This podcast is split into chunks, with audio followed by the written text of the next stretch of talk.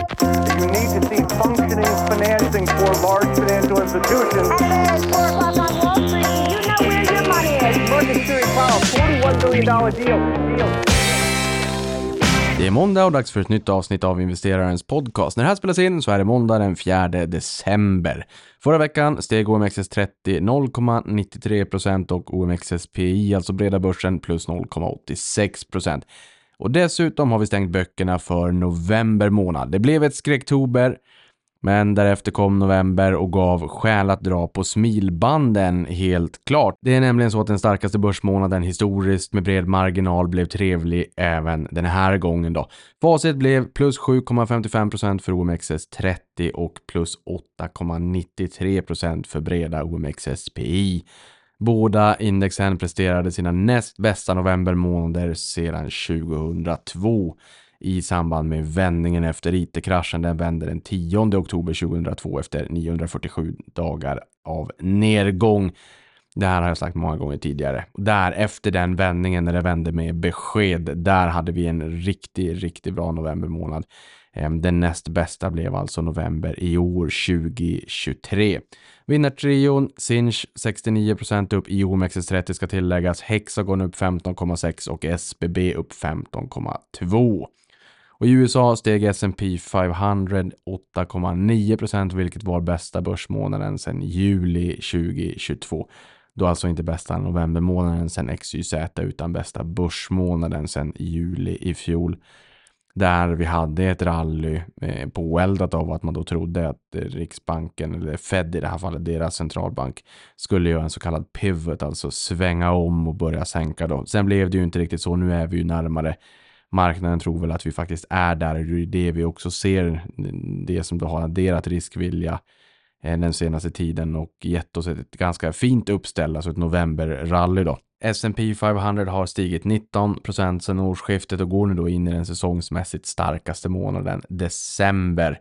Sedan 1928 har indexet stigit 1,3% i snitt under månaden.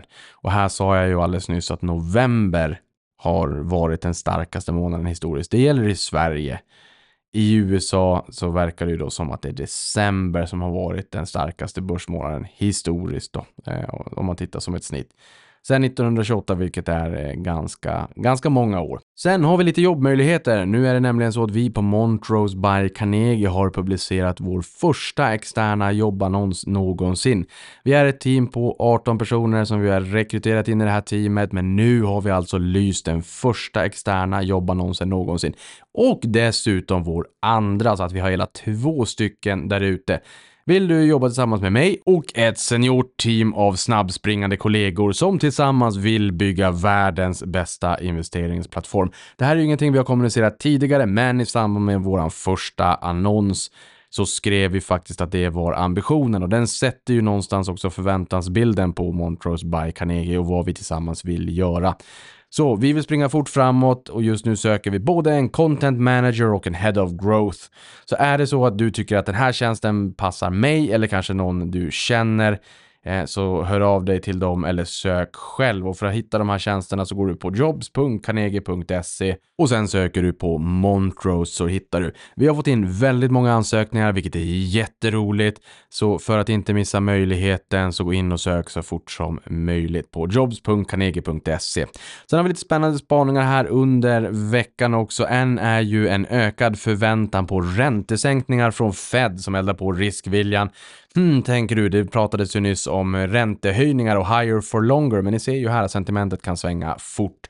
Barons skrev skojsamt att higher for longer har blivit higher for five minutes. Nu tror nämligen marknaden att det är nära 50% chans för en sänkning på 25 punkter i mars nästa år jämfört med bara 14% för en månad sedan. Så det är rejält många fler bedömare som faktiskt tror att Fed vänder kappan och till och med sänker räntan nästa år. Pressen på många centralbanker nu ökar faktiskt för sänkningar, att man inte ska bli två på bålen en gång till i och med att det är väldigt mycket som bromsar in väldigt snabbt just nu. Och det här har vi också sett på räntemarknaden. Vi har sett ett prisrally i obligationer där indexet Bloomberg US Aggregate Bond Index steg 4,9% under november, vilket var den bästa månaden sedan 1985. Det är till synes en och annan som verkar vilja plocka på sig lite duration, lite ränterisk. Hur ska man då tänka kring räntefonder just nu?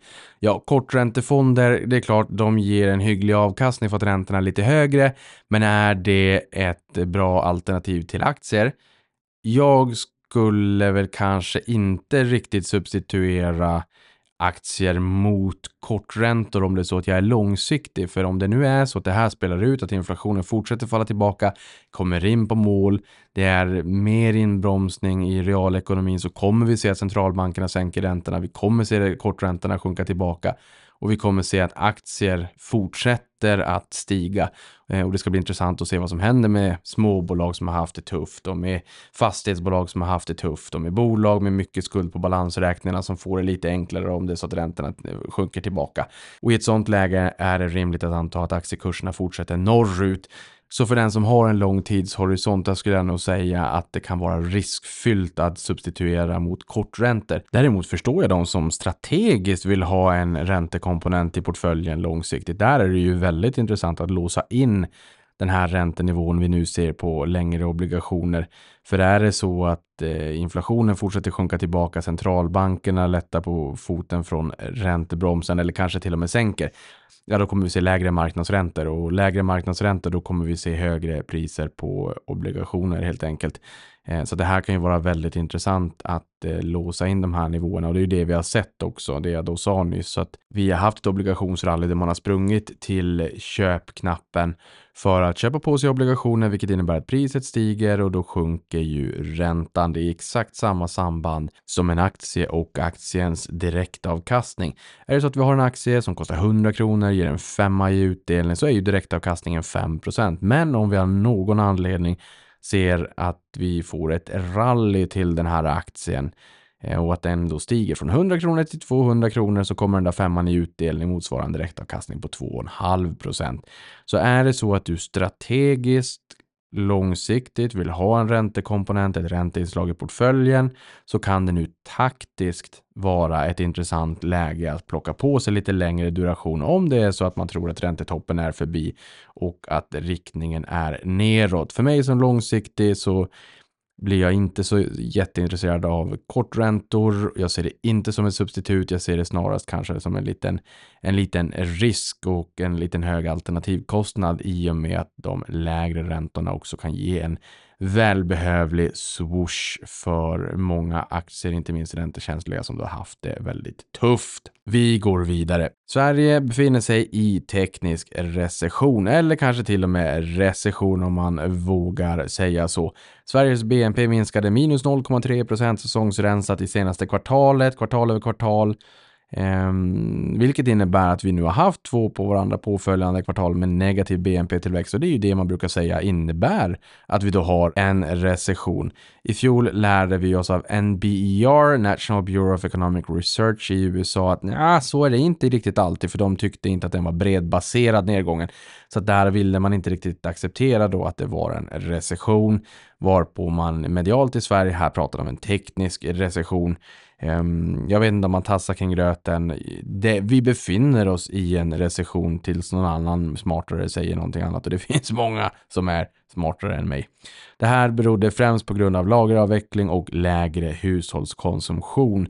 Lageravvecklingen är väl kanske en sån där som jag kan tycka kan vara en parentes, men lägre hushållskonsumtion, den är ju viktig. I Sverige så är det väl någonstans närmare 50 procent av BNP som utgörs av konsumtion och i USA är den siffran närmare 70 procent. Så att hushållskonsumtionen är viktig. Eh, och nedgången i ekonomin var bred men motverkades av stark tjänsteexport. Och här säger man att hushållens konsumtionsutgifter minskade för femte kvartalet i rad. Vilket gör att man kan tycka att jo, det här borde väl vara en, en regelrätt recession, det vi nu då ser. Sen har vi ju veckans stora nyheter, det är att Charlie Munger, Warren Buffetts högra hand och en av vår tids stora legender, ikoner, har lämnat oss. Och när den där pushnotisen kom ut så kände man ju direkt att det skapades ett tomrum ehm, Charlie gick ur tiden den 28 november vid 99 års ålder, blott en månad innan 100-årsdagen som skulle infalla då 1 januari. Kanske inte jättekonstigt, han var nästan 100 år, han har levt ett långt liv, men på något sätt så har de där alltid funnits med oss. Warren Buffett och Charlie Munger.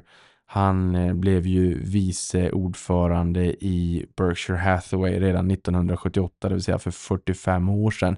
Så att för de allra flesta av oss eh, som har varit i marknaden, oavsett om man har varit en kort, medellång eller ganska lång tid, så har ju de där alltid funnits där. Eh, oavsett vad man tycker om investeringsfilosofin eller inte. Så att det här är ju ett stort tapp.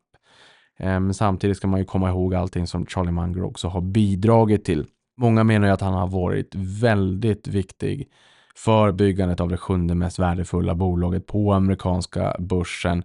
Och Buffett skrev i ett pressmeddelande att det inte hade gått att bygga dagens Berkshire Hathaway utan Mungers inspiration, visdom och deltagande. Buffett har ju tidigare sagt att boken The Intelligent Investor är den bästa boken som någonsin har skrivits. Det var hans lärofader Benjamin Graham som författar den. Men frågan är om inte Charlie Munger har haft större påverkan och inflytande på Warren Buffett än hans forna lärofader Benjamin Graham. Munger blev utnämnd till ordförande 1978, som sagt för 45 år sedan och har därefter i stor utsträckning präglat hur konglomeratet har investerat. Innan det så jagade Buffett så kallade cigar butts, alltså bolag i kris till pangpris eller billiga undervärderade bolag eh, men man graderade en blueprint eller ett ramverk som gick ut på att köpa kvalitetsbolag och äga dem långsiktigt och dessutom vara noggrann kring vilka personer det är som leder bolaget.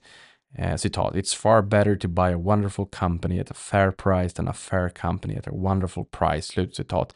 Det här citatet, även om Buffett är en citatmaskin, så undrar jag om många av dem inte kommer från Munger eller indirekt deriveras från Munger och den eh, visdom och den, det, det, inflytande som han ändå hade över Buffett. Samma sak som det kan ta 20 år att bygga upp ett förtroende och men fem minuter och rasera det. Även det citatet tänker jag mig känns som att det skulle kunna komma från Munger och hans syn på det hela.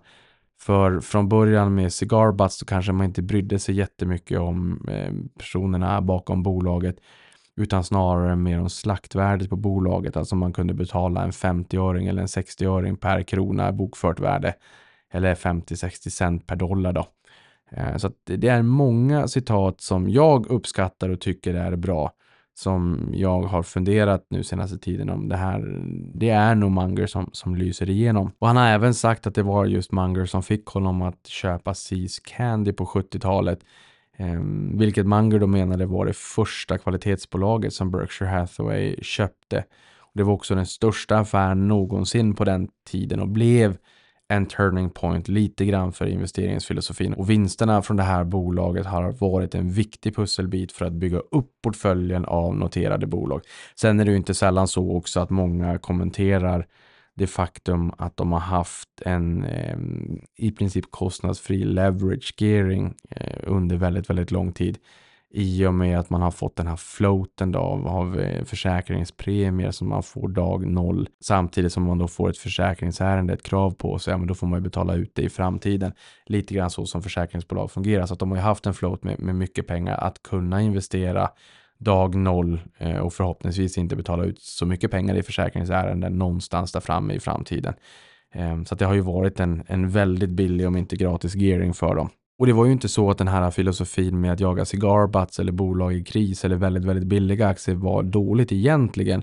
Men det kanske inte hade varit så att det hade varit det sjunde största bolaget på den amerikanska börsen om man hade följt den stigen framåt. Enligt S&P Dow Jones Indices lyckades Berkshire Hathaway generera en avkastning på 20 procent, en sån här Kager, en compounded annual growth rate eller årlig genomsnittlig effektiv avkastning under de 45 år som Munger var en del av bolaget och som vice ordförande.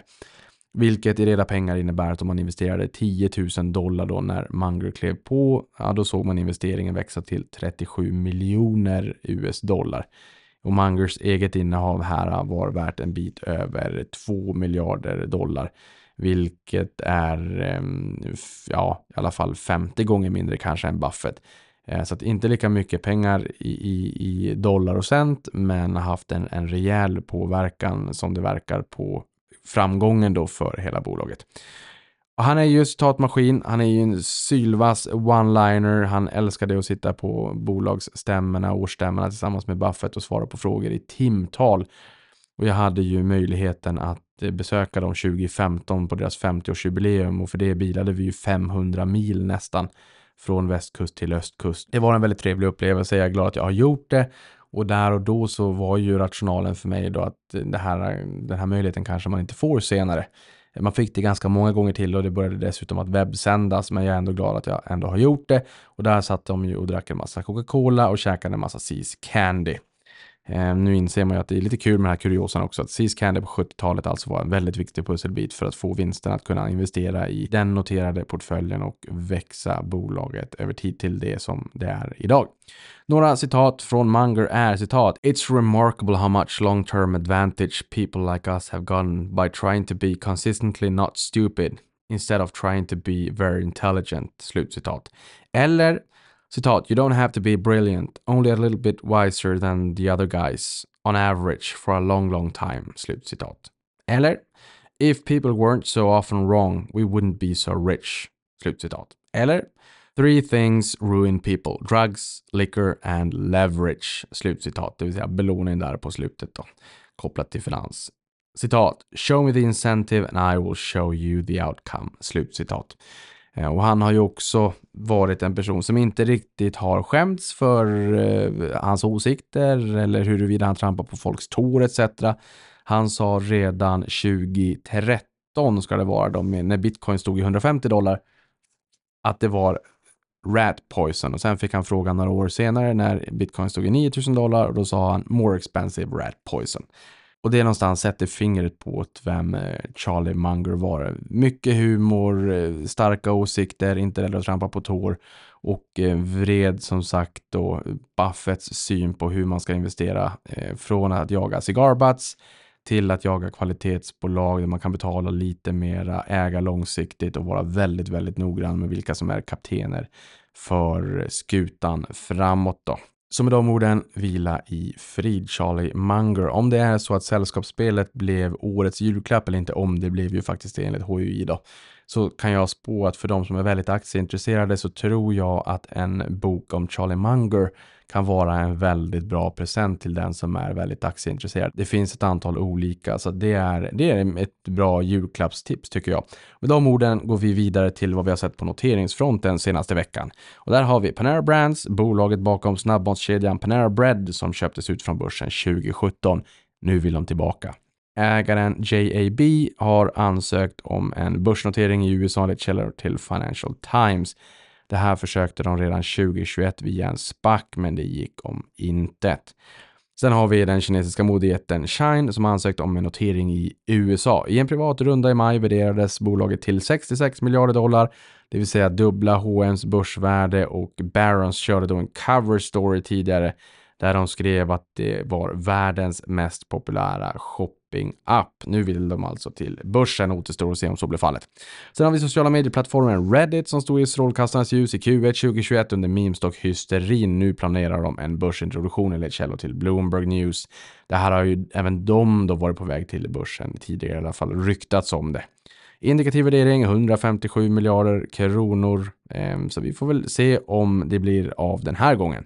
Sen har vi riskkapitalbolaget Permira som har valt ut sina banker för en kommande notering av skomärket Golden Goose enligt Financial Times. Mycket Financial Times eh, och lite Bloomberg på de senaste ryktena. Föga förvånande möjligtvis. En av källorna till tidningen menar att värderingen kan uppgå till cirka 3 miljarder euro vid noteringen och bolaget förväntas noteras på Milanobörsen under första halvåret nästa år. Med de orden, dags för ett nyhetssvep. Tesla har lanserat sin Cybertruck. Tesla-fans har väntat i fyra år, närmare bestämt sedan november 2019. Och under den här perioden har aktien stigit tio gånger till ett market cap på 750 miljarder dollar. Inte långt ifrån milstolpen 1 trillion dollar, alltså 1000 miljarder dollar eller en biljon dollar. Bilen har ett spann, det lägsta pris är 60 990 dollar upp till 99 990 dollar före eventuella subventioner, vilket är mer än de 50 000 dollar som marknaden förväntade sig. Vidare på Tesla så noterade jag i förra veckans nyhetssvep att bolaget stämt svenska staten via Transportstyrelsen samt Postnord. Kort därefter gav Norrköpings tingsrätt Tesla rätt om att få hämta ut registreringsskyltarna direkt från tillverkaren. Idag, måndag den 4 december, kom besked om att Transportstyrelsen överklagar till hovrätten då de menar att säkerhetsaspekterna inte belysts tillräckligt. To be continued. Man fick också ehm, eh, ett utslag från eh, Solna tingsrätt vad gäller stämningen mot Postnord och där menar man att de skulle få uttala sig så där dröjer det ytterligare lite tid. Amazon är nu USAs största leveransföretag mätt i antal paket och ser därmed både UPS och Fedex i backspegeln. Bolaget förväntas leverera 5,9 miljarder paket under året och i ett av de största lagren så kan det ta så lite som 11 minuter från order till leverans insåg jag när jag tittade på ett videoklipp från ett av de här dunderlagren. En, en video från Wall Street Journal. US Postal Service är dock störst på paket och hanterar flöden åt samtliga tre nämnda aktörer. Så jag tolkar det som att totalt sett är US Postal Services störst och hanterar paketflöden åt samtliga tre nämnda aktörer. För övrigt sa Amazon att de hade sitt bästa försäljningsevent någonsin under Black Week. Totalt såldes fler än en miljard varor på plattformen och kunderna uppgavs spara 70% fler slantar än under samma period i fjol. Och vidare på Amazon igen. Amazon lanserar en generativ AI-chattbot vid namn Q, precis som karaktären i James Bond som kan lösa problem, generera innehåll, dra insikter från data och snabba upp processer i Amazon Web Services och ändra källkod. Och för ni som vet, eller ni som inte vet kanske, Amazon Web Services är ju den största molnaktören globalt. Även om vi har hört väldigt mycket om Microsoft Azure den senaste tiden, inte minst med tanke på ChatGPT och OpenAI. Den här uh, nya botten sägs kunna bli en game changer. Sen har vi Bilia som öppnar sin tredje Xpeng-anläggning i Sverige, närmare bestämt i Jägersro, Malmö. Citat. Vi fortsätter planera för vidare etablering på fler orter i Sverige. Slutcitat. Det amerikanska depåbeviset har stigit 78% year to date och Bilia å andra sidan har stigit plus 0,09%. Sen på temat ISK, finansminister Elisabeth Svantesson öppnar upp för sänkt skatt på ISK 2025 citat. Det är en fråga vi just nu aktivt arbetar med på finansdepartementet. Slutcitat kan komma med i nästa höstbudget varpå det då eh, träder i kraft 2025. Och dessutom är de överens om att ingen skatt ska utgå på de första 300 000 kronorna som utlovades i Tidöavtalet. Sen har vi investmentbolaget Industrivärden som köpte en miljon B-aktier i Volvo lastvagnar då under förra måndagen för 241 miljoner kronor. Och de är ju redan största aktieägare med 9% av kapitalet och 27,9% av rösterna per sista september. Volvo har stigit nästan 26% sedan årsskiftet. Sen har vi dollarindex, DXY eller Dixie som det också kallas, är på lägsta nivån på tre månader och det här är ju positivt och väldigt många multinationella bolag på amerikanska börsen nu ser valuta mot vinden mojna i affären. För några år sedan hörde jag en siffra som sa att för varje halv procent som dollarn försvagas, eller dollarindex då, så såg man en 1% i vinsttillväxt i S&P 500 tack vare multinationella bolag med en stor del av intjäningen då utanför USA helt enkelt. Eh, så att när dollarn steg så blev de mindre konkurrenskraftiga. De fick en negativ effekt på försäljningen. Nu kan man ju hoppas och tro att man får en valuta med vind istället med tanke på den här försvagningen. Sen har vi Boost som rullade ut en omvänd vinstvarning förra veckan där de höjer den lägre delen i tidigare kommunicerat spann för årets omsättning och resultat. Det här tack vare god medvind under Black Friday. Totalt fick de 125 000 nya kunder under veckan och logistikcentret satte rekord med 20 000 produkter per timme. Aktien som konteras in på sällanköp har stigit 55 procent senaste månaden. Intressant eh, med en så snabb uppgång. Kone, storägare familjen Herlin, tillika rikaste familjen i Finland, fortsätter månadsspara. Kan man sätta in frågetecken där? I Kone eller Kone för omkring samma slant som vanligt senaste tiden, närmare bestämt 4,1 miljoner euro. Sen har vi inflationen. Det här var ju någonting som också eh, gav lite riskvilja under förra veckan. Alltså inflationen i eurozonen 2,4 i årstakt för november. Lägre än 2,7% förväntade och lägre än 2,9% i oktober.